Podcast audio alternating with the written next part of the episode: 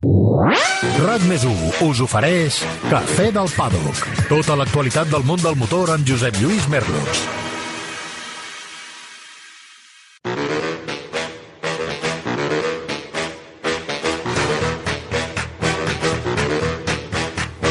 Hola, hola, hola, què tal, com esteu? Benvinguts una setmana més al Cafè del Paddock, el podcast dedicat al món de les dues i les quatre rodes que, com sempre, us acompanya per analitzar tot el que passa al món de la Fórmula 1, al món de MotoGP i més enllà. Avui, per exemple, parlarem molt de Fórmula 1, però també parlarem de trial i de raids. I tindrem convidats amb molts títols de campions del món. Però abans hem de parlar d'aquest Gran Premi de Turquia de Fórmula 1, la setzena cursa de la temporada. L'Istanbul Park és un circuit que no decep mai, i aquesta vegada potser no vam veure tants avançaments com alguns s'esperaven, però amb el cor a la mà us he de dir que jo em vaig divertir força amb la cursa d'aquest diumenge. Veurem si també ho van fer la Maria Serrat i el Joan Villar del Prat, que ja ens acompanyen en aquest podcast setmanal. Maria Serrat, com estàs? Benvinguda a casa! Avui no està a Brisbane, la tenim aquí entre nosaltres. Ja som aquí, com va dir el Tarradellas. Com ha anat aquesta tornada? Bé? Mm, eh, passa palabra. molt dura. Però bé, bé, ja està, a poc a poc, a poc a poc. Ens has trobat molt diferents o no? És, som un nou país? Allò que deien que la pandèmia ens faria millors? Tu sí? Creus que ens Jo, ha fet a, millors? a mi això? em disculpareu, però tinc tal merder a casa que encara no he pogut mirar fora. Molt bé. Joan Villa del Prat, com estàs, estimat? Què tal? Molt bé, estic molt bé, amb ganes ja de, de parlar d'aquest Gran Premi, que ha sigut interessant, Eh sí? amb estratègies, amb moltes coses.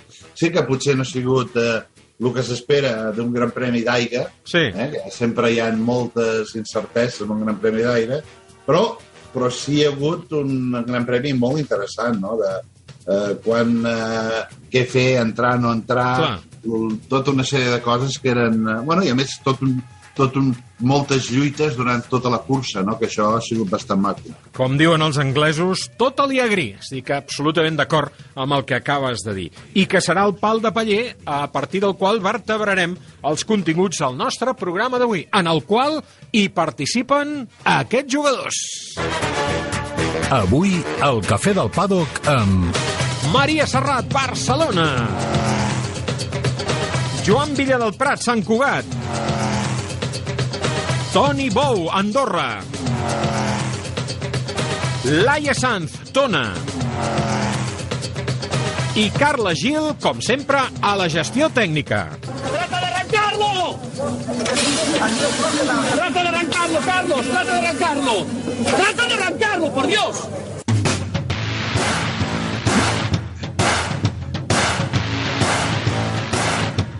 Aquest és el menú que us hem preparat per aquest Cafè del Paddock edició número 29. Max Verstappen recupera el liderat del Mundial, ara 6 punts per sobre de Hamilton, després de la merescuda victòria de Bottas a Turquia. Els dos Red Bull acompanyen el finlandès de Mercedes, que li fa un gran favor al seu company d'equip amb la victòria. Hamilton, més conservador que agressiu, remunta sis llocs des de la graella, però l'estratègia no li dona per superar Leclerc i arribar al podi. Carlos Sainz, vuitè després de sortir 17è, proclamat pilot del dia per primera vegada després d'una cursa molt brillant i ben treballada, espatllada per un mal pit stop de l'equip. Un cop de Gasly per darrere la primera volta deixa sense opcions Alonso en una cursa que es presentava amb més alternatives de les previstes. Al paddock d'Istanbul tothom dona per bo un calendari pel 2022 amb 23 curses, la sisena a Catalunya, a mitjan de maig, ara abans de la de Mònaco. Toni Bou fa balanç de la temporada després d'obtenir el seu 29è títol de campió del món de trial, el 15è a l'aire lliure.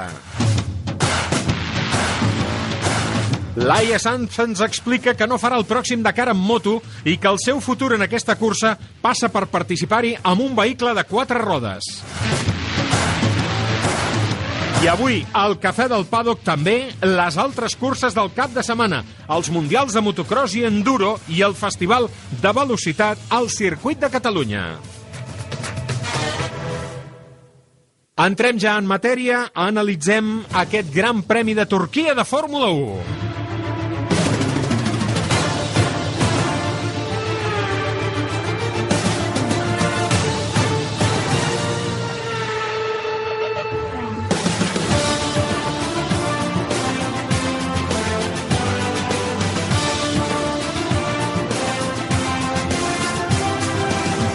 Per segon any consecutiu, el circuit de Turquia tornava a posar un pedaç a un calendari que realment eh, s'ha vist sacsejat per les circumstàncies conegudes per aquesta pandèmia. Inicialment, aquest cap de setmana s'havia d'haver disputat el Gran Premi del Japó a Suzuka, una de les curses que podríem dir és el must de la temporada, una d'aquelles cites que no poden faltar al calendari. I abans que res, amb aquestes claus, a mi m'agradaria destacar, Maria Joan, les condicions d'humitat a l'asfalt de l'Istanbul Park que van desballestar les estratègies de tothom, obligats a sortir amb els pneumàtics intermedis sobre un asfalt que no s'acabava d'aixugar mai, realment. Com ho veieu? Mm, eh, bueno, aviam, abans que, que, que me n'oblidi, eh, important, felicitar el Toni Bou, perquè no sé si podré Sí. fer-ho, Sí. per, i dir-li que és un monstru. És Vull dir, veritat. Per mi és, un, és, és Déu. Vull dir, és el Déu de les dues rodes del trial i la veritat és que eh, no, no sé com no es cansa de fer-ho I, i espero que no es cansi mai perquè, perquè sembla que cada dia aprengui més i en sàpiga més. La veritat, eh, felicitats, això d'entrada. Escolta, i, ara- per la Laia no, perquè també i ha per la guanyat... Laia també, Eh? però bueno, a la Laia se'n va, ara se'n van als cotxes, i això Sí. és, un altre, és un món nou que, que descobrir i que encara que hagi fet algun reit amb el, amb el Carlos, vull dir, encara que això, de la, això dels cotxes té encara per molt temps. A més, Ja. Laia, és- Laia és més jove i té, té més futur endavant, però el Toni és, és, és brillant, jo el trobo, trobo, el trobo... Una bèstia, una aquestes, bèstia, tu Aquestes persones úniques en el món que tenen un talent natural que, ni, que, que ningú els supera, no? Està clar, està clar. Et recomano que I- escoltis l'entrevista eh, per les coses que ens explicarà el Toni, perquè realment és, és, és, molt, és molt espectacular. És el que Dit tu això- és una persona diferent. Dit, dit això, uh, dit això, Josep Lluís, uh, parlem una mica de l'asfalt. Va ser Sí. un asfalt nou. Eh? Això era, era, e- és bastant important, perquè es veu que és un asfalt que estava bastant obert, on hi havia molt grip, eh? durant el, tot el cap de setmana. Hi havia Contràriament grip, al que havia passat l'any passat, no? Contràriament al que havia passat l'any passat. era Bueno, precisament asfalt- per això ho van fer, Clar. van posar aquesta Ah, pel·lícula perquè no passés el mateix de l'any Em passat. sembla, em sembla que van fer una cosa perfecta. L'únic problema és que, està clar, l'asfalt encara estava obert, l'aigua penetrava, no tenia per on circular per sota perquè està sobre un altre asfalt, Mm. vull dir que no podia No drenava. anar-se'n, i llavors el que feia és que a poc a poc tornava a sortir a la superfície. Vull dir, va ser una... Com, com, no sé com explicar-ho, però els mateixos cotxes que treien l'aigua de sobre tornaven a, A xuclar-la. a, a xuclar l'aire de sota. I això bo. va ser durant tota la cursa, que no va ser molta aigua, no era suficient com per dir una carrera de mullat, d'aquelles que, que no se sap ben bé quin pneumàtic utilitzar, seca una mica, posem els intermitjos, el super eh, de molta aigua, i, i, i al final va ser una cosa que era intermig tot el rato, i, i del principi al final, amb més o menys la mateixa quantitat d'aigua, potser una mica més d'aigua eh, eh, al mig de la cursa va ser una mica menys d'aigua al final també una Eh. mica com al, al principi. Vull dir, Sí. Una cosa rara que va agafar una mica tothom eh, Però per això, això jo crec que és el que li dona una mica d'interès, no?, amb aquesta I cursa tant. també, de que no fos allò, allò tan previsible, no?, del carril, venga, el carril, canviem pneumàtics tan ABC, no?, que de cop fos, ostres, espera, que això no acaba de jugar-se, ostres, espera, que no està per sex, mira, que li diguin a Vettel, no? Eh, vull dir que això afegeix un, un grau d'incertesa i de, i de no sé, de, de Sí, dificultat, d'imprevisibilitat, no? També, no? de Sí, sí. dificultat, De dificultat. amb, Ahà. amb els pilots i amb els enginyers, que no és el que sempre es troben, no? Afegir aquest, aquest element Jo també, extra. estic d'acord amb Sí, el que sí. diu la... la, la I- el i- que diu la- i- Però és que Estambul no necessita més coses, eh? perquè és un Ah, circuit sí. preciós. És un veritat. circuit que té pujades, baixades, revolts secs... Vull dir, és un circuit que ja de per si et dona molt, molt joguet, eh? Vull dir... Eh... I a més a més sempre passen coses rares. Ara te'n recordarà, Joan, eh, eh, quan veu venir per la cursa no, però uns dies abans sí, quan, quan les World Series, que te'n recordes que les World Series corrien corre. aquí a Istanbul, exacte, eh, doncs jo recordo que vaig anar eh, tres setmanes abans de, de, de la cursa i em va enganxar una nevada. Em va enganxar una nevada al circuit, que jo anava preparat per qualsevol cosa, menys per una nevada en aquella època de l'any a, a Istanbul. I vaig haver de sortir per cames d'allà. Uh, és un circuit on hem viscut tota mena de climatologies. Eh, amb les World Series recordo que vam tenir de tot, jornades de calor, jornades de fred.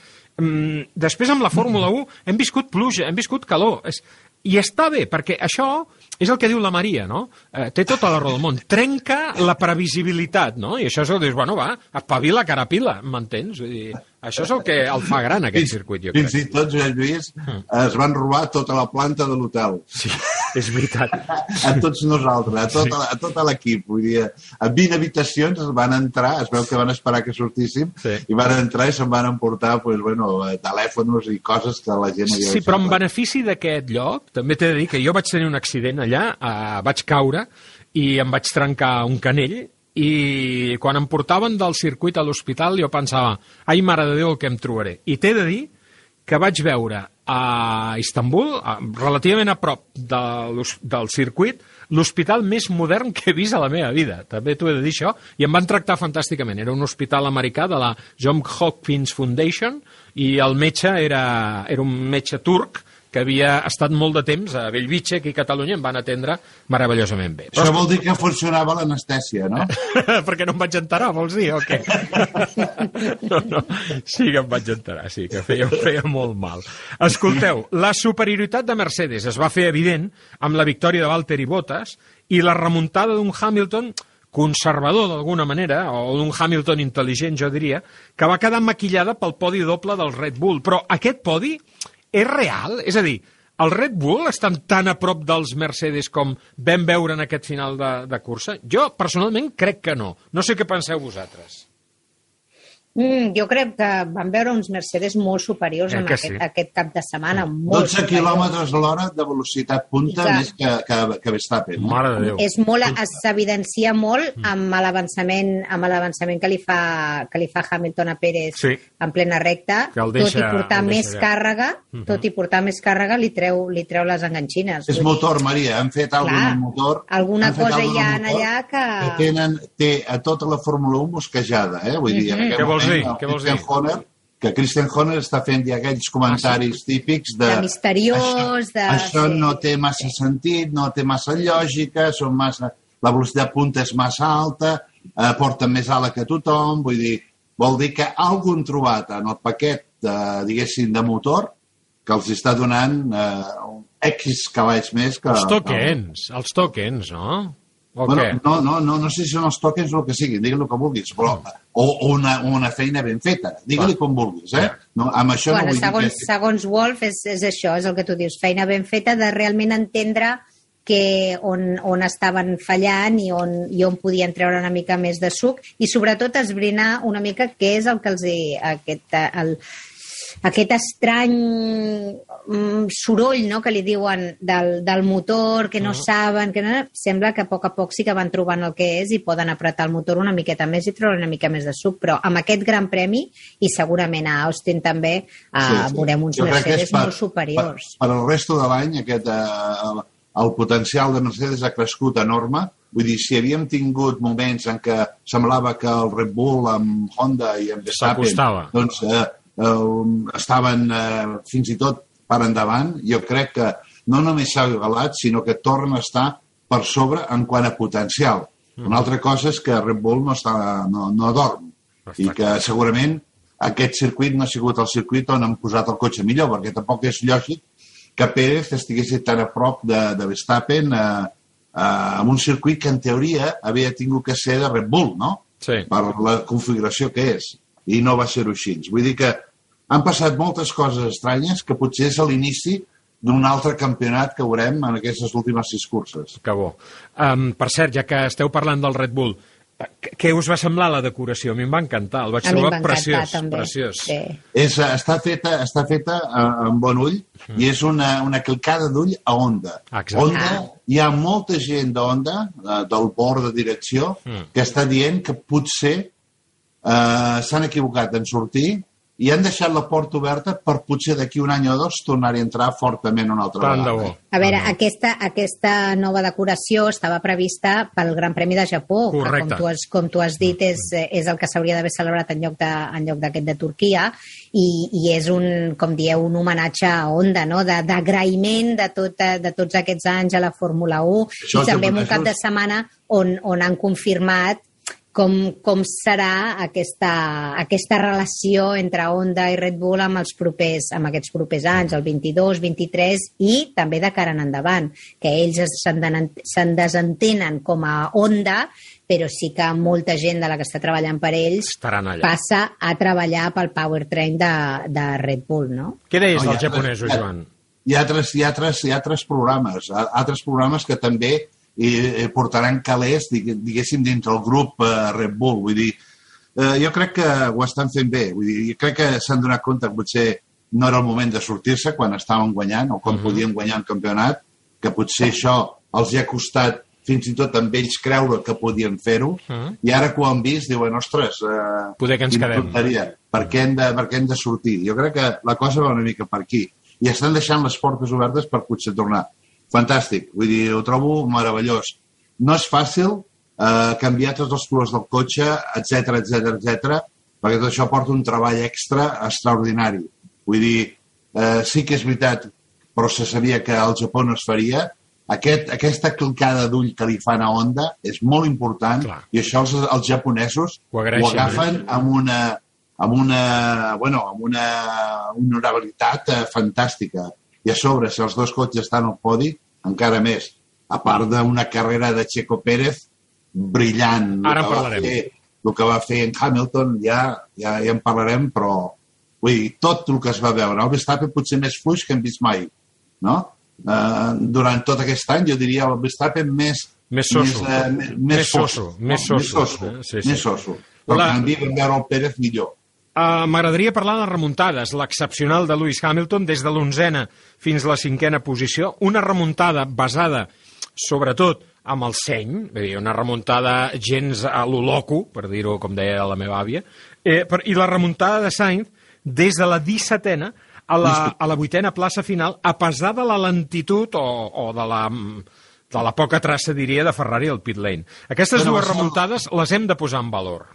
Va, va ser el de, lo de Carlos, per mi té molt més mèrit. Uh, I després la rada va ser el semàforo, eh?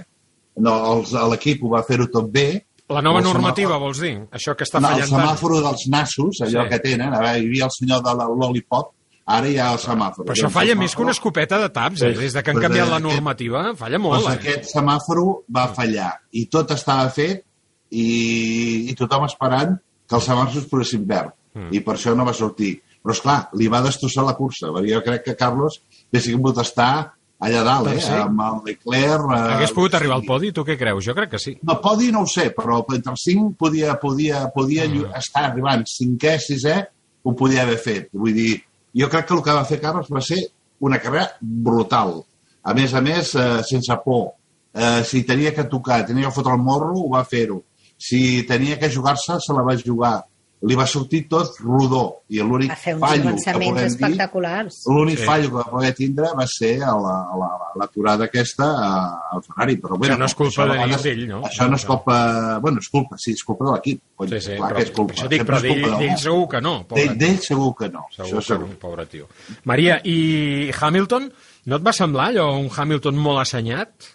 Molt, sobretot al Eh? principi amb Sonoda, eh, que el Sonoda li, va, li, li tancava la porta No és fàcil avançar Sonoda, eh? No, no, i ell, i, i ell I no s'ho va va prendre amb calma. volta. A la primera volta va, va estar a la mateixa posició. Vull dir Bueno, és que ell sortia, sortia 11, vull dir, sortia des d'una posició complicada, amb Clar. moltes coses passant a davant.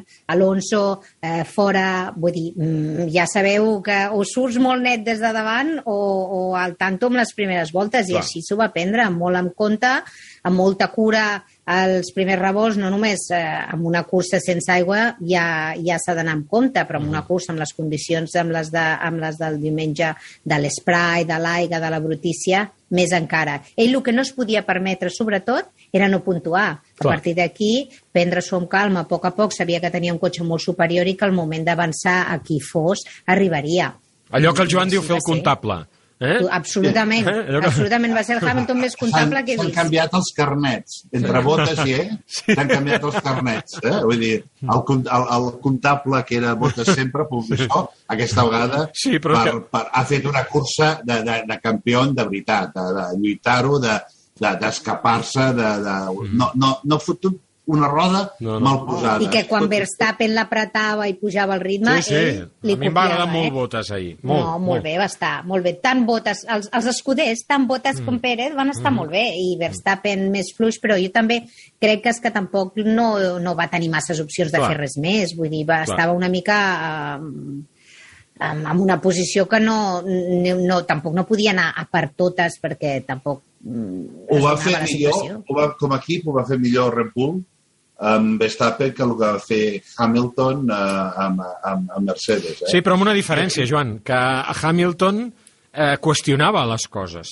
Sí, i Aquest és el gran problema. Ah, mentre que l'altre deia, què voleu, que entri? Entro, i ja està. Ah, l'altre no qüestiona mai res. Clar, aquí I està. Hamilton s'ha acostumat a qüestionar. Sí. I aquest qüestionament Mm. és el que l'ha fet perdre com a mínim dues posicions. Clar. Eh? Vale? Perquè ell el que tenia d'haver fet, quan en Pérez entra i canvia i posa els pneumàtics nous, Fe, eh, immediatament entra ell, no? tenia que copiar què és el que li demanaven. Clar. Així ens haguessin defensat la seva posició. Mm. No ho va fer-ho, no va fer-ho, i entre parlar i anar criticant i dir sí, no... Vas i perdent dècimes. I mirem, després ja era massa tard, Mhm. massa tard. Perquè el pneumàtic necessita... Un pneumàtic de mullat, quan està en aquestes condicions, sobretot, el primer és eh, es sobrecalenta, perquè hi ha molt pneumàtic, i llavors es sobrecalenta. Comença a haver una mica de graining, el té que netejar i té que baixar el taco. Una vegada baixa el taco és quan comença a tindre adherència de veritat i comença a tindre bones sensacions. I quan no hi ha taco, encara més si hi ha massa aigua. Clar. I això és el que ell notava, que el, que el, que el, el, el pneumàtic encara anava, però esclar, no haver-se acabat, segons Pirelli, no haver-se acabat la cursa. Hi havia una roda davant que ja tenia tot de blisters. I, i has vist unes imatges que avui circulaven per la xarxa, per exemple, del pneumàtic d'Ocon amb un forat bestial. També he vist algunes imatges que jo ahir durant la, durant la cursa vaig tuitejar aviam si veurem aquí un Spa o un Silverstone, perquè a mi em feia por tant com allargaven els pneumàtics, jo deia, és que acabarà patant un pneumàtic aquí, per, És que- per temes de seguretat, eh, ho deia. És que el que va fer Mercedes... jo Una mica arriscat, eh? És correcte, eh, Clar. al final és correcte. Clar, clar, el de van parar-los. El van entrar per seguretat. Ah, no exacte, Per... ah, exacte. O sigui, al final, quasi, quasi li van dir deixa't estar d'hòsties, que encara, encara arriscarem en aquí. Jo això ho vaig veure amb Ricardo. Quan, quan a Ricardo, que és el primer que fan entrar per, per, per fer el canvi de pneumàtics, amb un altre pneumàtic mixte, jo vaig dir, no el fan entrar per anar més ràpid, el fan entrar per anar més segur. Perquè sabíem, sabíem que el McLaren estava trinxant bastant més els pneumàtics en, en aquest circuit, no? I probablement, si decideixen fer entrar Ricardo per tornar-li a posar un altre pneumàtic mixte és o perquè tenien informació molt clara de que allò no s'aixugava ni amb una vileda o perquè, o perquè sabien que aquell pneumàtic estava a les últimes, o, o, la, o la suma de les dues coses, probablement. Uh, escolteu, Alonso, uh, Maria, tu tens plans o no? Uy, los planes. Los planes. Hay pero que creer en los planes. Hay que creer, siempre hay que Eh. creer en los planes. Ai, que creen els plans. Joan, tu tens plans o no? Tens, tens plans o què? Jo, els plans ja... ja eh, jo vaig a muntanyes, no en plans. Sempre vaig a, amunt i avall. Jo, jo, jo oscil·lo. Jo sempre oscil·lo. Mai vaig pla. Jo vaig parlar del plan DUL eh, aquest cap de setmana, perquè el plan no va sortir gaire bé. De tota manera, content de veure Alonso amb aquestes ganes. A mi em va agradar. Content, a mi em va escolta, va fer un, un cap de setmana... La classificació va ser Sí, extraordinària. Espectacular. espectacular. Extraordinària. La sortida, la sortida brillant. Sí. Vull dir, bé, uh, després va, va insultar el pobre Gasly, que jo Home. crec que no s'ho mereixia. No calia, tampoc, no calia. No, No, calia. però no, no, no el critico, eh? Vull dir, suposo que la frustració d'aquell moment... Clar, home. eh, Home, sobretot amb la és, seva eh, millor classificació Exacte. mm, des del 2017, crec, imagina't. No, eh, tot és allà, però el Gasly tampoc podia fer gran cosa, eh? El Gasly, no jo, a mi, a mi A em sorprèn la penalització a Gasly, perquè té a també. Pérez a Jo no l'interior, hagués no ho sé. jo crec que era una, No un entenc. accident de cursa i prou, i s'ha acabat la Jo- història. jo segur En que no canvi, la l'hagués- sí- La d'ell sí que... La d'ell amb el mix, La sí. d'ell sí, clar, però la de Gasly La jo Gasly no ho no. acabo d'entendre. Jo No, no... jo tampoc. I un, un element de reflexió més per tancar aquestes claus del Gran Premi. Us heu donat compte d'una cosa? No hi havia DRS, perquè la cursa era, era mullat i per tant no es podia fer servir el DRS. I déu-n'hi-do dels avançaments que vam veure sense aquest rotllo del DRS. Això vol dir que potser això del DRS s'ho podrien anar confitant, no? Perquè a mi la cursa em va agradar. Jo abans heu ponderat, i estic totalment d'acord amb els avançaments que feia Sainz, cada vegada al revolt 12, ostres, s'encruspia un per volta, eh? Vull dir, ho va fer molt bé. Escolta, Però, mm, a- a, a, gran- a, hem vist que no calen aquestes artificialitats per donar interès a la cursa. Eh? I digueu-me clàssic, si voleu. Però a mi això del DRS sempre m'ha semblat un bunyol atòmic. Però si traiem el DRS, llavors hem de posar els aspersors Bueno. de Raimon Blancafort. Bueno, bueno, Una sí, cosa o exacte. l'altra. Sí, Perquè també si és no- veritat, això. També és veritat. Pues mira, Aviam, prefereixo sí, els sí. aspersors que el DRS. Això del DRS... Home, jo també. Eh? Home, sense cap dubte. Aspersors a les últimes tres voltes. Fantàstic. I xinxetes. I xinxetes. I, I algun francotirador amagat. Acme, acme, ja està. Bé, repassem com està la classificació després de 16 curses. Recordem que encara ens en queden 6 més per davant. Max Verstappen torna a ser el líder del campionat. Té 262,5 punts, és a dir, 6 més que Lewis Hamilton, que en té 256 i mig. Valtteri Bottas és a la tercera posició amb 177. Segueixen Lando Norris quart, Checo Pérez cinquè. Carlos Sainz és a la sisena posició. Té mig punt de diferència sobre el seu company a Ferrari, Charles Leclerc. Fernando Alonso és desè amb 58 punts, 8 punts més que el seu company Alpine, Esteban Ocon, que és 11è, i en té 46. Pel que fa al Mundial de Constructors, Mercedes lidera amb mà sòlida, mà de ferro, 433,5, Red Bull és segona amb 397,5, McLaren ocupa la tercera posició amb 240, Ferrari és la quarta classificada amb 232,5 i Alpine és cinquena amb 104 punts. Tots els equips han sumat fins ara, excepte els de sempre, que encara no en tenen cap i ocupen la última posició amb 0 punts. Ens estem referint, evidentment, a l'equip Haas, que rumors diuen podria canviar de mans, però no de país. Atenció, es parla que Andretti podria estar interessat en l'adquisició de l'equip Haas. I ara analitzem el Gran Premi i ho comencem fent eh, des del dijous. Eh, les declaracions de Fernando Alonso, la roda de premsa, sobre la inconsistència en l'aplicació de les regles a la Fórmula 1. Joan, és allò que hem dit sempre, eh?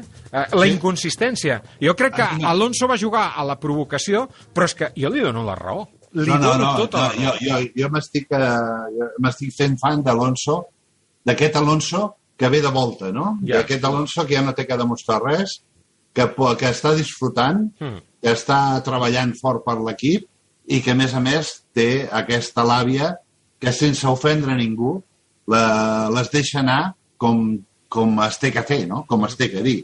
Aquesta inconsistència de la FIA en quant a utilitzar el reglament de la forma que a vegades és, eh, és d'una forma i de l'altra vegada és d'una altra forma. I això eh, eh, ho trobo lògic i normal. Què va fer a l'última cursa, a la penúltima cursa?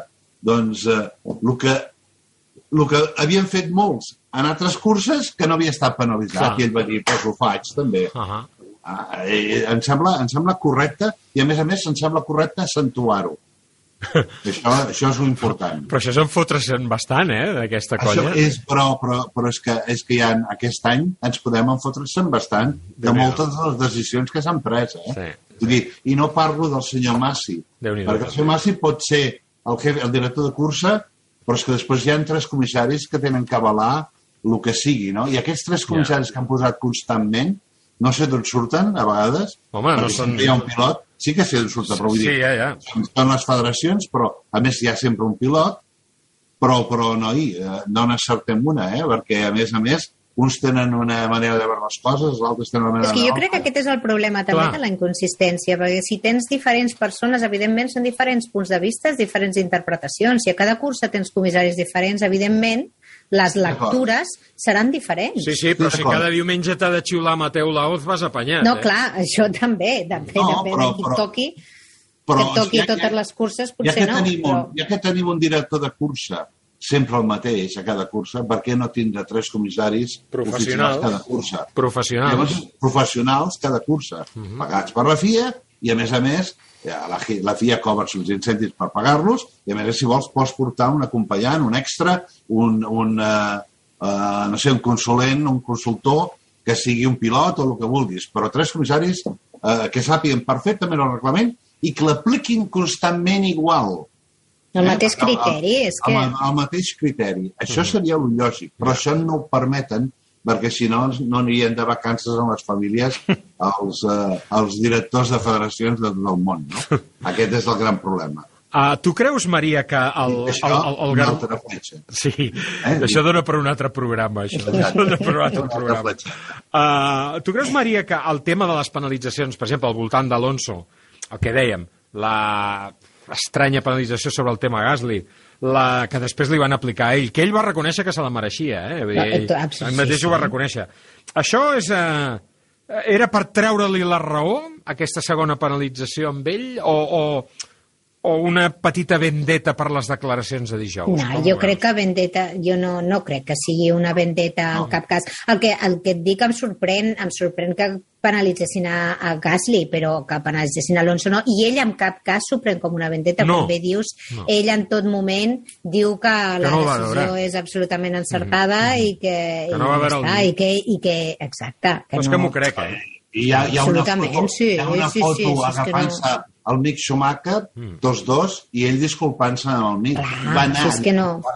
Amb el Mick. Vull dir que el Fernando accepta perfectament Una cosa no treu l'altra, va fer. exactament. Això no és cap vendetta. Vull dir, Mm. Doncs mira, me n'alegro. el, que no era lògic, el que no, per mi no em va, ser, no em va agradar, és el de Gasly. A mi Sobretot en- tampoc, i en no ho entenc volta. perquè ells ho justifiquen, ho justifiquen que, que, que Pérez no, no com dir, que, que Gasly no li fan el sàndwich i, i jo no, no, no ho sé, jo dec haver vist unes altres imatges, Sí, però, però a però a mi mi sí que que em sí. dóna la sensació Jo que sí també. que li fa una mica de sàndwich.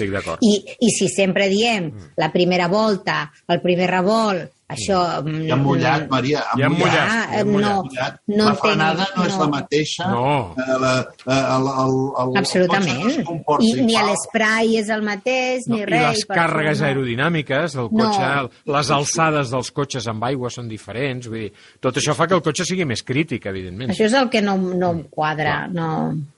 Hamilton, una pole eh, dissabte espectacular, jo crec. De fet, Sí. divendres va estar imperial, divendres, i dissabte també, però després no serveix per res, eh, per la penalització per canviar l'ais del, del cotxe, no?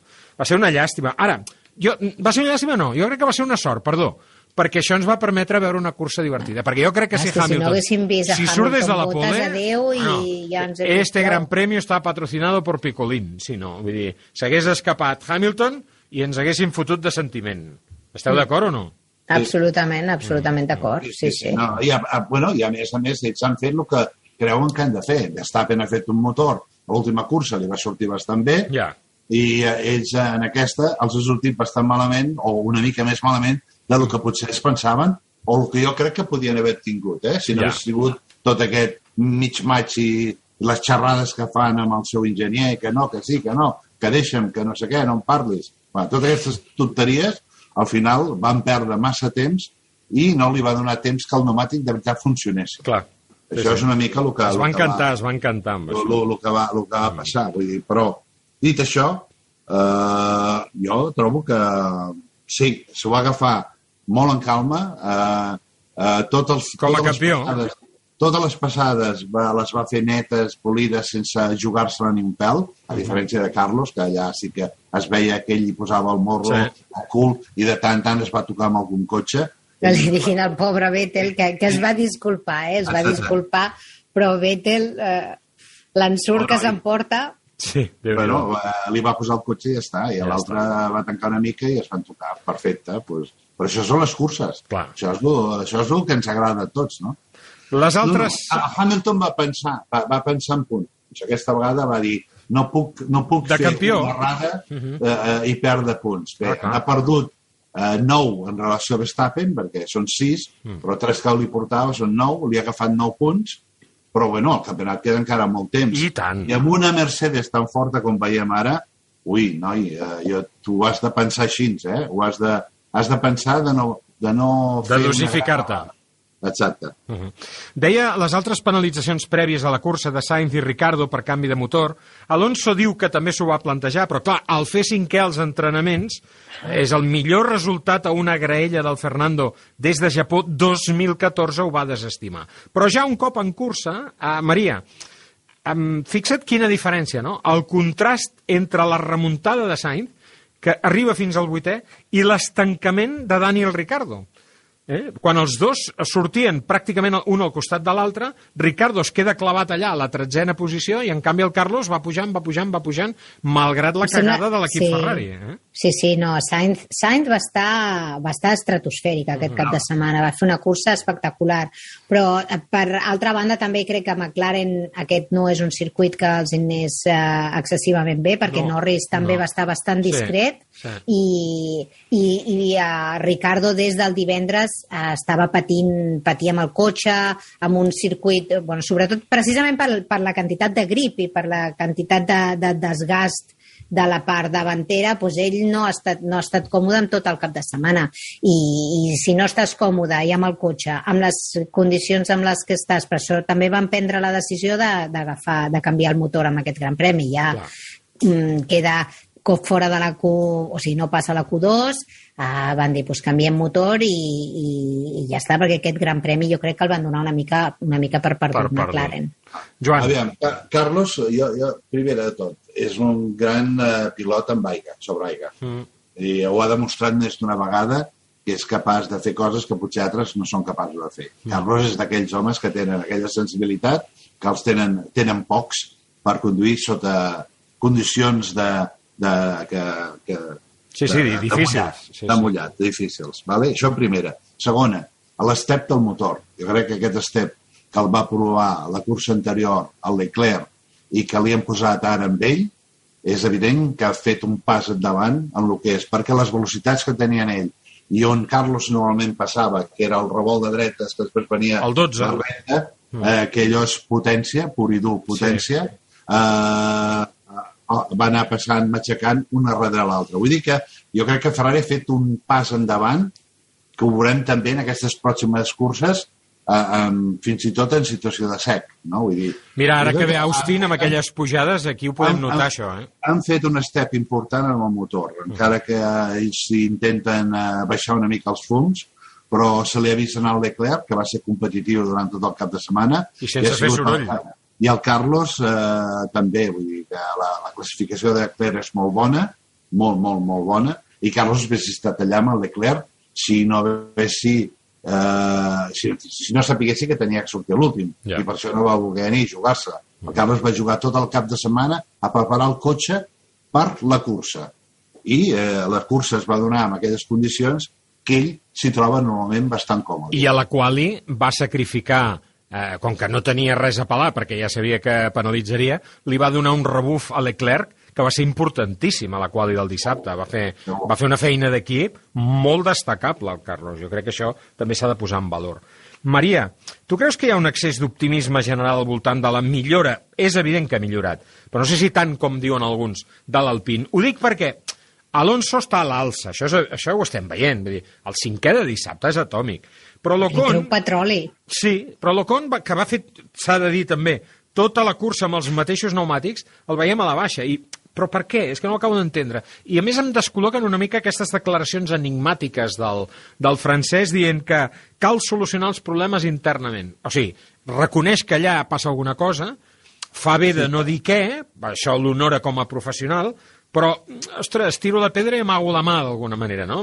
Deixes clar que hi, ha, que hi ha algun pollastre allà dintre. Tu què creus, Maria? Estem exagerant amb aquesta, amb aquesta eh, valoració positiva del, de la millora de l'Alpine? Potser no n'hi ha per tant, o sí? Jo crec que, sí- que són dues coses. Una cosa és que sí que és, com bé dieu, a l'Alpine ha millorat, eh, però sobretot Fernando li treu petroli Sí. al, a l'Alpine i, i, i, i bueno, sobretot no, no hi ha més que veure la classificació del dissabte.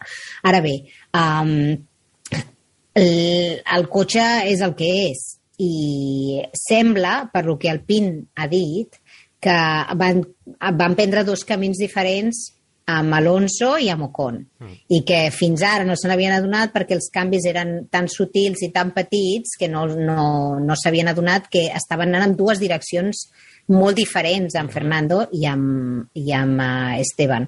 Llavors, sembla ser que podria, que podria ser això, que podria ser una simple qüestió de, de setup. Ara bé, a veure si la propera cursa, si redirigeixen aquest setup d'Ocon cap a el que està fent Alonso, a veure si tornem a veure tornem a veure l'Esteban competitiu.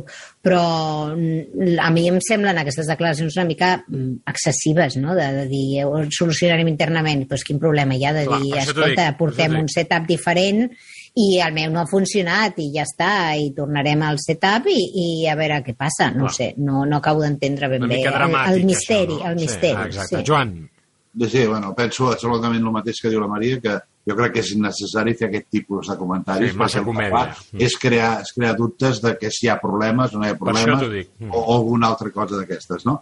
Jo crec que el cotxe va millorant, però hi ha, hi ha una cosa molt important. Eh, El motor, diguéssim, nou, Mm. el que haurien d'haver estrenat aquest any, van decidir estratègicament el, el 22, no? Aquest serà el motor... i això és bo? diguéssim. Això Bueno, és el plan, perdoneu-me. Eh? aquest és el plan?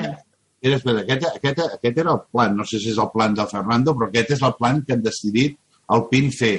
I jo crec que d'això se n'estan empenedint. Ah. Vale? Vull dir, aquest motor, el que porta en aquest moment, o el que han afrontat aquest any, és algo que, que, que està, diguéssim, desfassat en aquest moment en comparació a el que ha crescut Ferrari, el que ha crescut eh, Mercedes, el que ha crescut Honda i fins i tot, eh, bueno, eh, els altres competidors, no? Uh -huh. Vull dir, i, i ells s'han quedat amb aquesta fase dient, bueno, no, no, no gastem tots els cartutxos, ho estem tot per al 2022. I potser en aquí és on hi ha la, la rada. Però el que tenen que fer és fer un bon cotxe.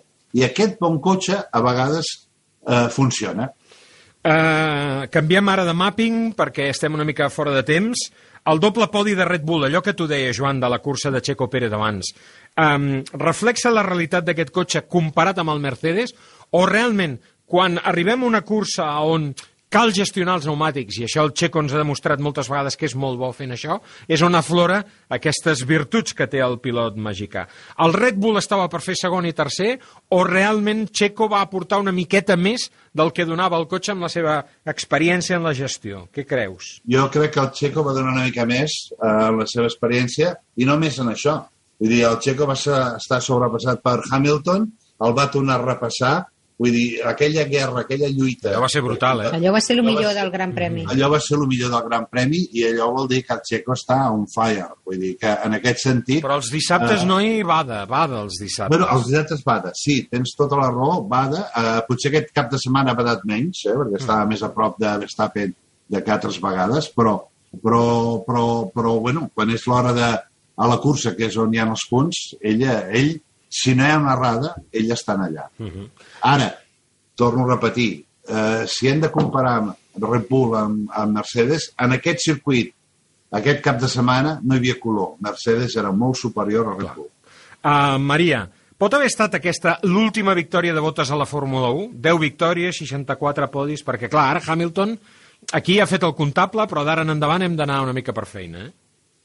Mm, sí, bueno, hem de veure què ens esperen les properes curses, Mm. però, però a veure, en principi, evidentment, si Hamilton tot li va bé i ho, i ho enfila tot, pues Bottas no, no l'ensumarà, però si no l'ha d'ensumar si no l'ha Hamilton, doncs, doncs potser veiem una altra de Bottas d'aquí al, al final de temporada, ja que Ja. estem veient que el Mercedes va tan fort, però sí que, sí que bueno, mm, era la, la primera victòria des de Rússia de l'any passat, vull dir que mm, si tot li va bé a Hamilton, a Bottas no, no el tornarem a veure dalt de tot del, del calaix.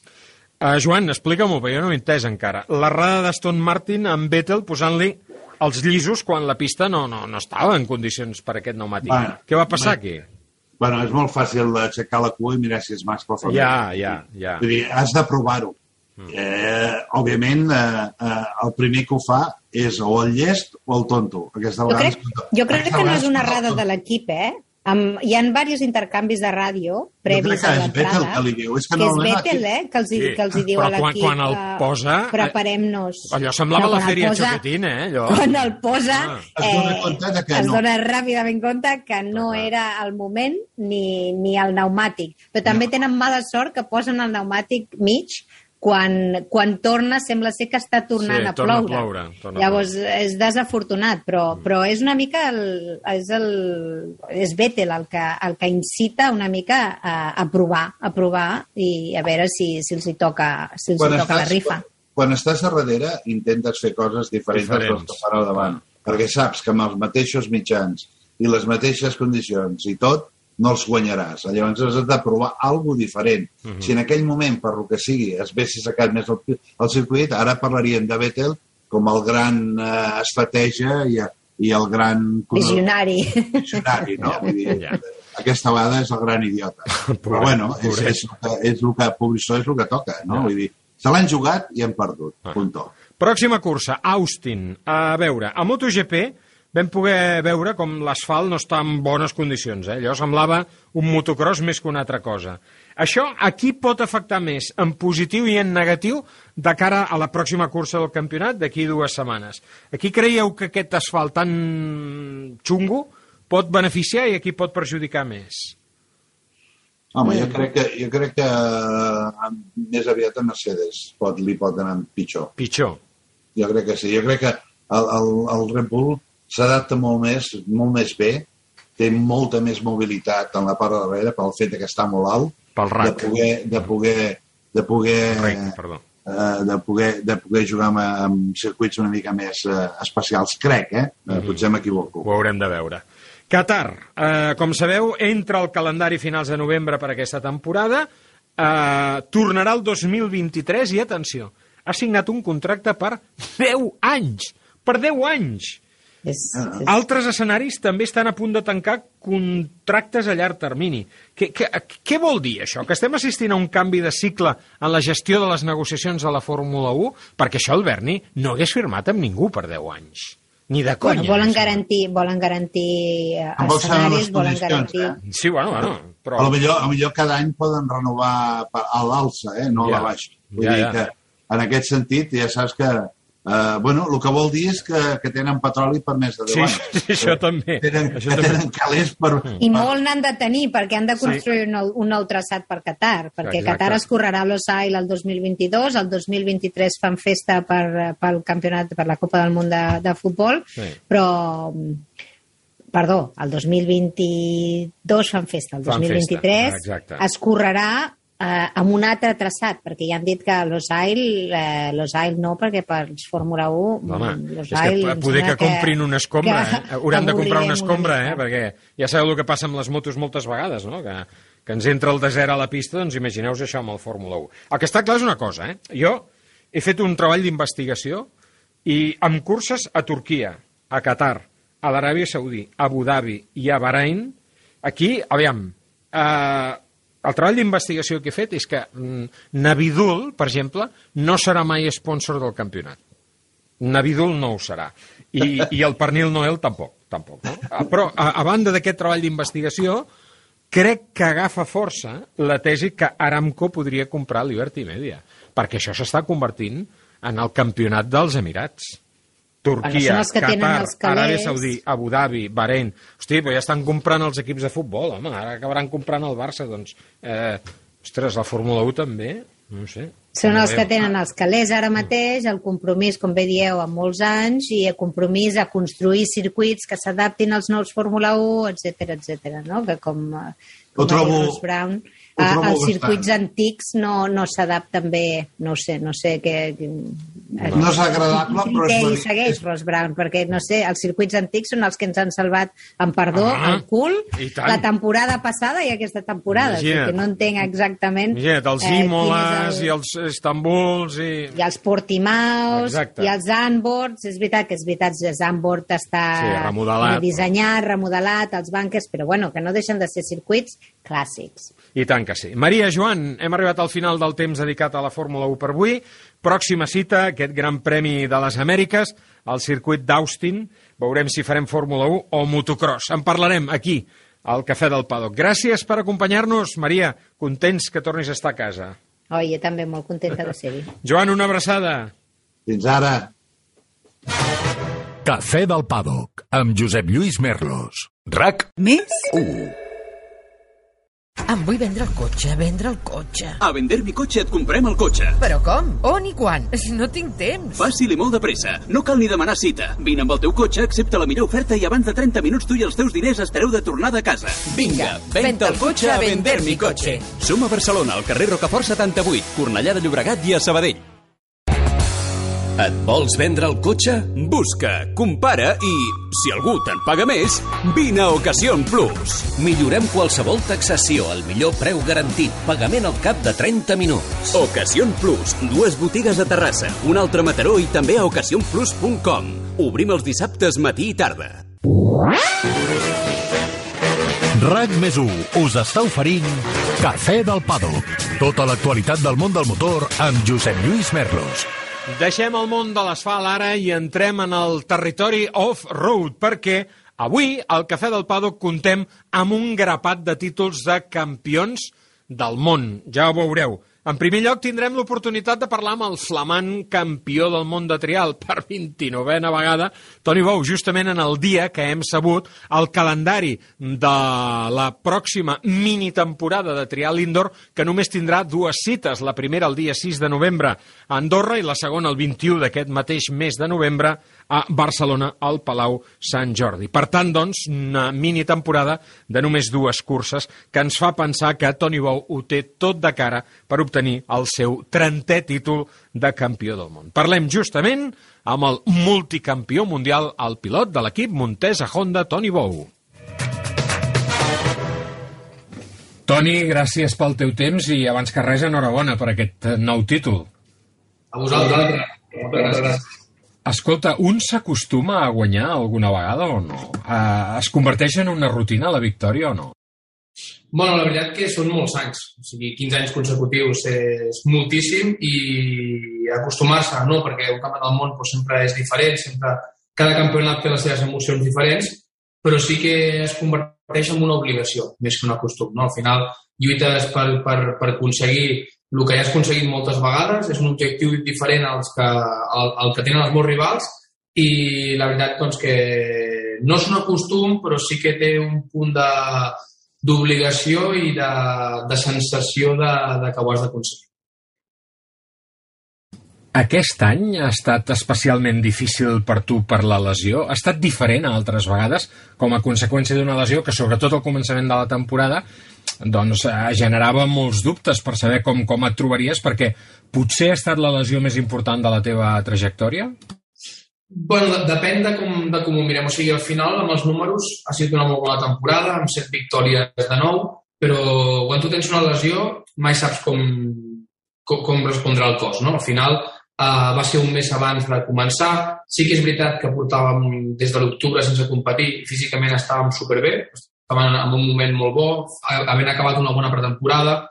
Diguéssim que faltava més hores de moto o acabar d'afinar per la carrera, però estàvem en un bon moment i quan tu tens la lesió, com has dit, al final eh, no saps com arribaràs. Primera carrera doble a Itàlia, eh, era una mica una incògnita si el, més que el, la placa del, de l'os, el turmell, sobretot, que tenia una lesió, a l'estat en tres setmanes parat, es va curar amb salut, després de tot el que havia passat amb el Marc a, a l'equip, doncs va tindre clar que el primer era que l'os soldés, que no tinguessin problemes amb la placa, i sí que va ser complicat, però sí, jo crec que hem tingut mundials més complicats que aquests, fins i tot sense lesions, hem anat més justos acabant guanyant el Mundial a l'última carrera, que estàs obligat a quasi guanyar la carrera. La veritat que vam arribar a l'última carrera que només un problema mecànic o, un test de Covid, no? perquè aquests últims anys que el moment més difícil és quan farà el test de Covid que et pots quedar fora de, del campionat. Així que ha sigut més una incògnita per això, però ja vam oblidar molt la, la lesió del principi. Com te la vas fer, aquesta lesió? Com va ser això?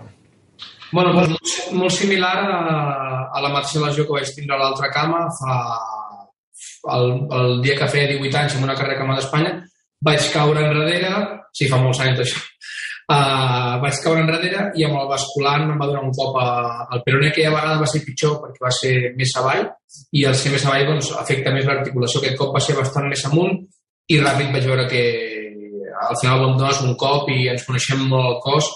De seguida vaig notar que, que la cama feia crac, crac, que jo hi havia un os trencat i vaig veure que la fractura doncs, no sortia i ràpid vaig trucar a Joaquim Terricabres i vaig dir m'he trencat el peroné, quasi segur, i hem de buscar algú que ens superi. I ell ja em va dir, bueno, mira, fem una, fem una radiografia i ens assegurem. Dic, sí, sí, però bueno, tu ves buscant algú que ens superi ja, perquè això anirà molt just de temps. No saps la quantitat de gent que m'ha dit vols dir que el Toni no es va lesionar amb l'Àfrica Twin gravant aquells vídeos?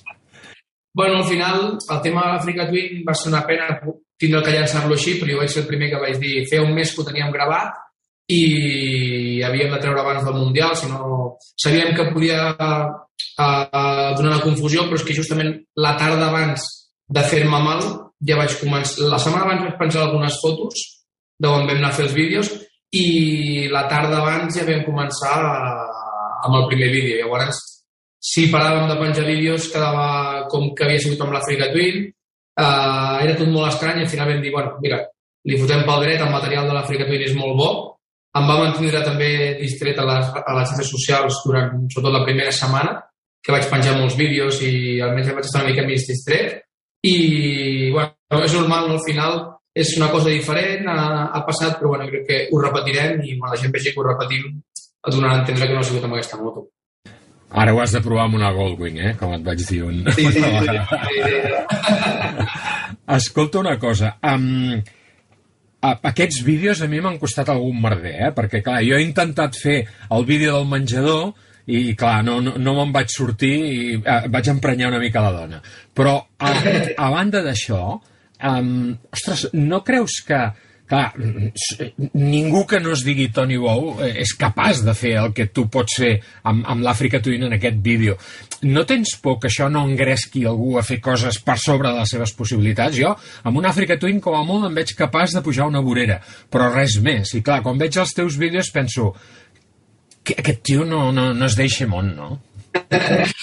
Bueno, la veritat que, que m'ho vaig passar molt bé amb aquesta moto i que, bueno, sí, al final és una moto que pesa molt i que, que també ho vam pensar, però al final també la idea neix una mica també del Pol Tarrés, que, que ho està fent amb una Teneré, i bueno, doncs tenim molta amistat i ell també em va donar una mica la idea, em va dir que era una bona idea, des d'Onda també ho vam veure amb un suís, i sí, evidentment, tot el que fem, al final, el moto trial igual, no? el vídeo de la casa, tot té un risc, és una moto, i sempre s'ha d'intentar doncs, que la gent entengui que, que està fet per un professional i que sobretot amb un Africa Twin que, que ràpid agafa velocitat i que pesa molt, té moltes inèrcies, eh, la poslia molt, molt grossa i s'ha de vigilar. I ara pel 30è títol, no? El de, el de l'Indoor. Bueno, sí, és un número que, que sempre m'han preguntat molt, que, que és un número molt emocionant i, evidentment, nosaltres, com saps, sempre mirem endavant i ara toca, toca mirar cap aquí i intentar aconseguir. Tindrem un Mundial Indoor molt curt, de dues carreres, no sabem si seran dobles, uh, amb el Covid no sabrem si competim perquè al ser pista coberta doncs, no sabem si competirem fins la setmana, o sigui, ens prepararem per fer-ho, però, però serà una temporada molt estranya, però nosaltres el nostre objectiu no canvia. Escolta'm, qui, qui ha estat el rival més dur aquesta temporada pel que fa referència al, al, al trial a l'aire lliure? Bueno, bueno la, L'Adam és un rival duríssim, és super regular. Sí que és veritat que les últimes carreres, final de campionat, el Jaime Busto també doncs, ha apretat moltíssim i que fa pinta de, ja fa anys que fa pinta que és un pilot molt complet i jove i que, que tard o d'hora serà, serà el rival, però aquesta temporada una vegada més, per quinzena vegada consecutiva, l'Adam ha ficat les coses difícils, uh, ell també va tindre els seus problemes a l'inici de temporada, una que, que a vegades ell doncs, no ho explica tant, però per sensacions vaig veure que no estava al 100% i ara sí que ha fet un final de temporada al 100% un altre cop. Així que, bueno, ja comencem a ser pilots veterans i això passa, l'Adam té 39 anys, jo tinc 34, i doncs, si jo noto l'edat, doncs imagina't el que deu notar l'Adam, així que, que bueno, té molt mèrit el que, el que ha fet. Escolta, um, aquesta temporada uh, tu has tornat a guanyar el títol i la Laia també, eh, vuit anys després de, de no fer trial. Com, com dimensiones aquest èxit i aquesta constància i, i, i brillantor de la Laia? Doncs molt brillant perquè al final doncs, eh, tindre el valor de tornar a competir després d'haver deixat el llistó on el va deixar diu molt de, de la Laia, del seu caràcter i de, de tot el que ha aconseguit, no? Al final sempre vol més, això és lo, una gran característica de, de, dels grans pilots, dels grans esportistes, i això la Laia ho té i felicitar-la perquè tornar després de 7 o 8 anys i amb una rival com la, com la Emma, que portava molts anys guanyant, eh, el que ha aconseguit és, és increïble i només podem felicitar-la. Aquesta ha estat la teva última temporada al costat de, del Fuji, de, del Takahisa Fujinami. Uh, no has tingut mai un company uh, tant de temps com ell. El trobaràs a faltar, suposo, no? Què, què ha significat per tu treballar al costat d'ell, no? Què, què t'ha portat a nivell professional i sobretot a nivell personal? Bueno, doncs hem viscut uh, totes les etapes, no? Al final penso que companys d'equip de 15 anys eh, que hagi una duració de 15 anys és una cosa que passa molt poc a l'esport. Hem tingut una, una gran sort i les hem vist de tots els colors. No? Des de que vaig entrar pues érem rivals a muerte, a una relació molt professional i molt justa. Poc a poc, amb els anys, ha anat canviant. Clar, es en compte que el Fuji ha acabat en 41, no? O sigui, va tindre, crec que amb la meva edat de 34-35, va tindre la lesió del creuat, eh, va córrer un any amb el creuat, es va quedar quasi sense cartílag, eh, li va canviar molt el concepte de competició, va estar a punt de retirar-se, llavors ell des dels 35-36 ha sigut un extra, eh, el poder tornar, poder recuperar sensacions, ha treballat moltíssim i això m'ha fet aprendre molt d'ell. No? Al final és un lluitador, hem agafat una relació no de companys d'equip sinó d'amics, tenim molt bona relació i clar, són tants anys, hem compartit tants moments i aquest cap de setmana que va ser molt emotiu, doncs ho dèiem, no? al final eh, el que hem viscut som molt, molt afortunats de poder viure tant temps del que ens agrada, d'haver tingut uns companys d'equip amb qui tens tanta bona relació i que, que treballen, perquè el Fuji doncs, moltes vegades quasi, quasi ha treballat més per mi que per ell, així que, que bueno, doncs, és un record fantàstic, el Fuji al final al món del trial el trobarem molt a faltar perquè és un espectacle total i com dic, aquests últims anys que sobre doncs, ho volia disfrutar ha sigut molt especial estar al seu cantó. Tu et veus competint això fins als 41 com ell o fins als 42 com, com Valentino Rossi o no? Uh, ho entens això? T'hi veus? Bueno, veurem, no? Al final, com he dit al principi de l'entrevista, uh, la meva carrera esportiva ha estat marcada per molts èxits i per molta pressió i molta obligació, no? Al final és molt difícil també suportar-ho, tinc un caràcter que, per sort, sol olvido les coses i sé desconnectar molt bé, Llavors, eh, també tinc ganes de que, de que la meva obligació no sigui guanyar, viure amb un alt nivell, però que, que hagi, per exemple, un jove com el Jaime Gusto doncs, que et prengui algun títol, que, que tinguis un hivern que la teva motivació sigui anem a intentar guanyar perquè no és el que em toca i ara si pogués aconseguir guanyar seria superar-me, no? Al final eh, això és una que em falta a la meva carrera esportiva i bueno, doncs, quan ho visqui o en, o en el moment que m'arribi poder no, no ho puc aconseguir i serà perquè serà el meu moment de retirar-me, no? Però al final, mentre jo em senti competitiu, segur que m'agradaria allargar com, tant com el Valentí el, el, Quina és la, la font d'inspiració d'on treus la motivació durant tant de temps i tan intensa?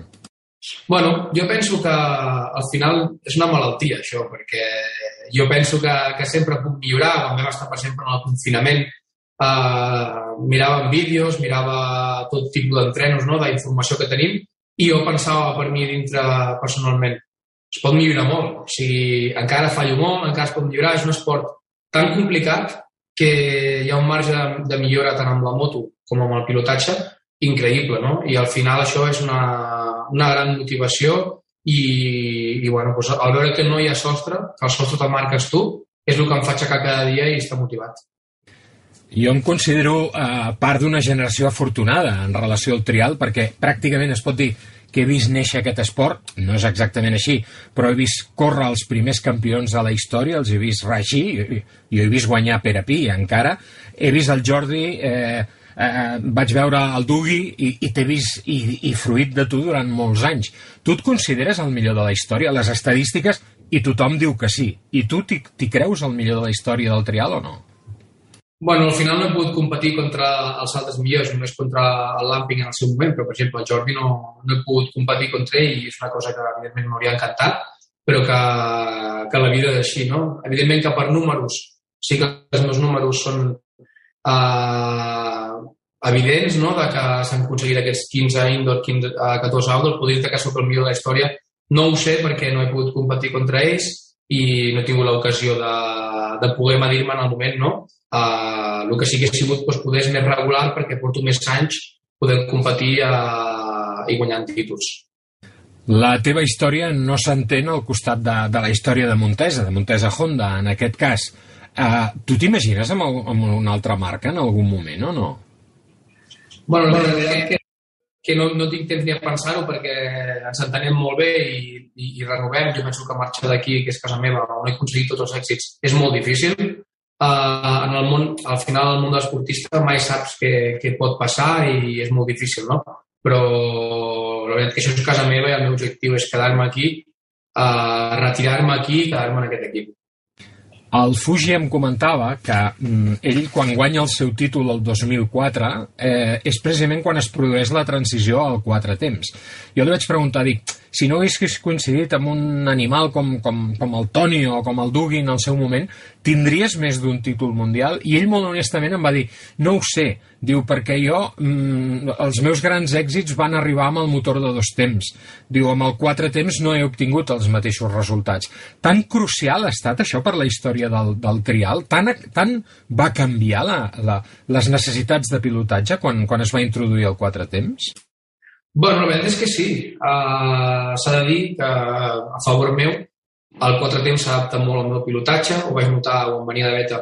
El primer moment que vaig provar la moto vaig veure que era la, una moto per mi, tot i que en aquell moment no era poder la millor moto del mercat, però, però sí que per mi era una moto que es podia conduir amb molt poc gas, que t'ajudava doncs, a, que em polia els meus fallos. No és una moto més lenta, soc un pilot molt agressiu, un pilot que que necessito donar temps a les coses i la moto aquesta m'ho permetia, no? Les dos temps són més ràpides, més agressives i la veritat que, bueno, doncs, poder amb els anys això ho trobaré a faltar, però ara és una cosa que la moto m'ha ajudat. En canvi, el Fuji té un pilotatge totalment advers al meu, uh, necessita una moto més ràpida, una moto com era la dos temps en aquell moment, i està clar que amb ell no el, va, no el va beneficiar per res. De fet, va fer la seva millor temporada el 2004 i al canviar de moto doncs, es veurà clarament que no era el Fuji de la temporada abans i li va costar eh, moltíssim anar adaptant el seu pilotatge, però de fet els settings de les nostres motos són molt diferents.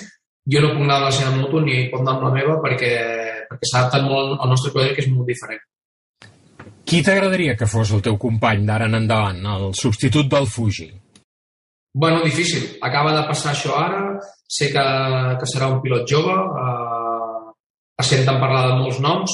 Eh, per mi, al final, tenim el, el Gabriel Marcelí, que ha estat quasi dins l'equip, i, i per l'equip és l'opció més fàcil. Veurem què, què passarà. El Gabriel és un pilot molt jove, un pilot amb un potencial increïble, ja fa dos anys que va amb la mateixa moto que nosaltres. El seu pilotatge s'adapta molt al meu, som pilots que anem molt amb el cos, que marquem molt les coses, i veurem què passa, però bueno, al final això no és una decisió meva, eh, és una decisió que serà, serà de l'equip i que, que sigui la que sigui, doncs benvinguda serà.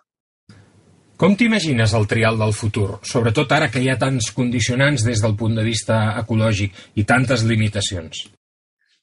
Bueno, al final això és una molt bona pregunta perquè penso que va, això acabarà havent canvis, el, el futur passa per haver àrees, veurem si les motos hauran de ser elèctriques, això sí que ja és mirar més endavant, però sí que, que, que sembla, sembla el camí de cara a poder, a poder fer créixer el nostre esport, poder practicar-lo en qualsevol racó, que és el que li falta al final. És, és un problema molt gros comprar una moto i no saber on has d'anar, no? O tindre molt pocs jocs, haver-te de desplaçar molt per poder practicar aquest esport, que al final la gràcia que ha tingut tota la vida era engegar la moto i sortir des de casa mateix. I això és el que penso que falta. Una facilitat per poder practicar-lo allà on vulguis. I això faria que el nostre esport creixés moltíssim. Això ho tindríem més fàcil si anéssim amb motos elèctriques, com, com ja estan proposant i fent algunes marques? Bueno, bueno, hi ha una part que sí, hi ha una part que no, no? perquè a vegades eh, t'endús una bronca quan vas amb bici elèctrica per la muntanya, vull dir que és, és un moment que, que la gent s'ho mira molt, que, que hi ha problemes per tot, tothom està en el seu dret de queixar-se, a vegades hi ha molta gent que fins i tot passa, passa aquesta línia, no? perquè veure, al final hi ha coses òbvies que s'han de compartir i, i s'ha de saber fer, llavors penses, sí que és una opció, perquè amb la moto elèctrica pots estar al mig de Barcelona en una petita àrea, que és la gràcia del trial, en un lloc petit, practicant aquest esport i, i sense molestar ningú perquè no, no hi ha ni velocitat, eh, amb l'elèctrica doncs, faràs poc soroll, i sembla que sigui una cosa lògica, però, però veurem, perquè el tema a la muntanya, fins i tot amb la moto elèctrica, no és de, del tot propi. Hem pogut veure ara algunes de les últimes curses del, del Mundial, com precisament eh, apuntaven cap a un canvi de, de filosofia precisament en el disseny de les zones, no? Justament amb això que deies. Malauradament no s'ha pogut fer la prova de Japó per raons sanitàries, però tots sabem que la prova de Japó es feia en un lloc molt reduït, eh, era pràcticament un indoor. També ha passat amb el trial d'Espanya, amb bastantes zones, aquí a Pobladura, i, i amb alguna altra cursa més. Crec que la de França també era, era bastant indoor, o la de Portugal, ara no, no, no recordo. Um, uh, creus que ha de canviar el concepte d'aquest esport? per fer-lo encara més popular, que fer-lo popular passa per això, per acostar-lo al gran públic, perquè sigui fàcil veure-ho? Penso que sí. Al final és un espectacle i quan tu, per exemple, corres com has dit, a Caors i fas un trial urbà i justament al cantó del riu del poble hi havia unes zones, podem, vam poder fer amb una tartera de pedres, quatre zones, diguéssim, outdoor total, uh, i estava ple de públic, és la facilitat de que la gent uh, ho pugui arribar i que tingui la comunicació durant la setmana d'on han d'anar, què han de fer, perquè moltes vegades és el problema de que no saben on han d'anar, uh, seguir el recorregut, com seguir la carrera, no? Facilitats que la gent pugui, i, i els pilots adaptar-nos. A vegades doncs, sí que ens agradaria uh, anar a Anglaterra i fer una carrera de roderes de fang, de tot el trial de tota la vida, doncs si ja tens un públic que ja et venen amb les botes aquestes d'aigua i fang, el típic públic anglès, i que està disposat a moure's, a pagar entrada per, per veure l'espectacle, perquè en vegis local s'hi agrada, doncs t'hi adaptes i nosaltres encantats. Però si te'n vas, per exemple, a França, a Caos, i pots córrer a l'Indor, al mig de la ciutat, a al mig de la ciutat, i d'aquesta manera, en vez de tindre 500 persones, en tens 5.000 de públic, doncs és evidentment, és evident que és el Per acabar, Toni, um, jo he tingut la sort de córrer no contra teu, sinó darrere teu en cotxe, i la veritat és que ho fas molt bé. Uh, tentacions de, de fer coses amb els cotxes, com, com la Laia, com comentàvem abans, amb més continuïtat n'has tingut o no? No, no, no n'he tingut, vaig tenir l'oportunitat en aquell moment i la veritat que ho vaig disfrutar moltíssim, el món és un món que em va, em va encantar, ho vaig disfrutar molt, molt i alguna vegada que he tingut una altra oportunitat sempre l'he agafada i et diria que ara podés agafar 7-8 anys que no faig cap carrera en cotxe i bueno, ara quan passi el Covid, quan, quan acaben totes aquestes coses, segur que sortiran més oportunitats evidentment, si puc, les faré sempre en plan amateur. Toni, moltíssimes gràcies. Repetim, enhorabona per tots aquests títols, pel que ens has fet disfrutar durant tots aquests anys, pel que continuaràs fent tu, segur, durant uns quants anys més. Molta sort per la temporada indoor, encara que sigui curta. I per acabar et volia demanar un favor. Eh, tenim una persona que està escoltant aquesta entrevista, que és un amic comú, que és l'Albert Martín, de la terrassa dels pescadors de Palamós, que, com saps, no està passant un bon moment i m'agradaria que li enviessis algun missatge. Bueno, Albert, eh, és que som, ets un amic increïble, que, que et donem tots els ànims, tota la força per, per passar els moments complicats i ens veiem molt aviat i ja veuràs com cada vegada en surts i, i seràs encara tot més fort encara. Segur que sí, Toni, moltíssimes gràcies. A vosaltres. RAC Més 1 et vols vendre el cotxe? Busca, compara i, si algú te'n paga més, vine a Ocasión Plus. Millorem qualsevol taxació al millor preu garantit. Pagament al cap de 30 minuts. Ocasión Plus. Dues botigues a Terrassa, un altre a Mataró i també a ocasionplus.com. Obrim els dissabtes matí i tarda.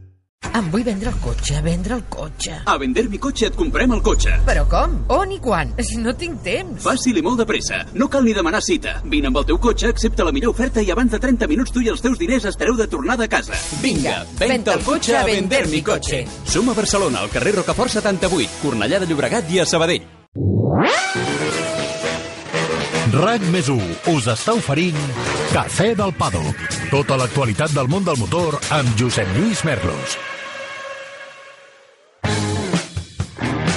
Del rei del trial a la reina del trial, de l'enduro, del Dakar i del que li doni absolutament la gana. I és que, per exemple, aquest cap de setmana, la Laia Sanz, la nostra següent protagonista al Cafè del Paddock d'avui, ha tingut l'oportunitat de córrer per primera vegada una cursa del Campionat Mundial de Rallycross, la que s'ha fet al circuit belga d'Spa-Francorchamps, que ha contemplat una nova victòria del suec Jonas Christofferson. I hem de dir que la Laia ha corregut a la sempre difícil categoria de RX2, categoria pels cotxes menys potents d'aquest certamen, tot i així donen gairebé 400 cavalls de potència, i que van propulsats per motors elèctrics. Una nova experiència per la Laia Sant que va estar amb nosaltres la setmana passada i que ens va explicar detalls eh, molt importants del seu futur. El principal, que aquest any no correrà el Rally Dakar en moto. L'escoltem. Aquest any no aniré en moto, és una decisió ja presa. És una decisió difícil perquè al final m'agrada molt anar en moto i, i segur que ho trobaré a faltar en part, però ja em portava 11 i crec que era el moment de, de fer el canvi. A més, també suposo que s'han ajuntat molts factors, no? El fet de començar l'extremi, també de, de que crec que bueno, s'estava acabant una mica el cicle, de, de que els dos últims Dakars no els havia pogut preparar com tocava i que segurament no els he disfrutat tant com els altres. El tema del risc, ja, jo crec que ja s'ha juntat una mica tot i crec que és el moment perfecte per començar a fer un canvi. Un canvi que s'enfoca, lògicament, cap als vehicles de quatre rodes. Està clar que és un canvi cap a les quatre rodes, que, que m'il·lusiona molt i que tinc moltes ganes d'aprendre'n i ara doncs, passaré de ser una veterana a una, a una júnior. Un canvi de xip també a la vegada molt important després de tants anys de córrer amb moto amb algunes experiències positives, això sí, amb el món dels cotxes. És un canvi molt gran i al final és això, podia haver continuat fent Dakars amb moto, però per mi tampoc no, una mica tenia també la sensació d'haver fet ja el que, el que volia i més del que volia, més del que hagués imaginat, fer novena al Dakar un any... Ara és una mica, estava en el punt aquest de, bueno, per què continuar, per arriscar tant, per, per intentar fer la 15, la 16... No sé, és una mica que potser ara no em compensava tant i tenia ganes de coses noves que sempre em motiva. Tot això serà el mes de gener. Abans, però, i concretament aquest cap de setmana, la Laia haurà d'abordar l'última cursa de la temporada mundial d'enduro. Serà l'Enduro de França, on la pilot catalana té l'ocasió de sumar un nou títol mundial al seu ampli palmarès. Està clar que el trial estava més complicat a priori perquè arribava a un punt de diferència, per tant qui quedava davant guanyava i va ser molt emocionant i molt xulo perquè al final va sortir bé però aquí, aquí tinc una mica més de marge, però igualment no puc fallar massa, perquè al final som tres que, que ens, hem, ens hem anat alternant una mica els resultats i que pot passar de tot. Per tant, a veure si pogués fer un bon primer dia per anar una mica més tranquil al segon dia. Aquest plantejament nou de cara al Rally Dakar, de tota manera, no significa un adeu definitiu a la moto per part de la Laia Sanz. No, les motos s'acaben del tot, jo no crec que arribi mai en aquest punt, o de moment. Uh, està clar que hem de veure els calendaris l'any que ve de, de l'Extremi, com va tot, no ho sé, uh, haurem de veure, però jo encara tinc... O sigui, no, el tema de les motos no tallo per complet amb les motos, tallo el Dakar perquè crec que arri havia arribat el moment, però jo encara tinc ganes d'anar amb moto. D'anar amb moto i d'anar amb cotxe i d'anar amb buggy i d'anar amb rallycross, com per exemple aquest RX2 elèctric que ha portat aquest cap de setmana a Spa-Francorchamps en una aventura totalment nova.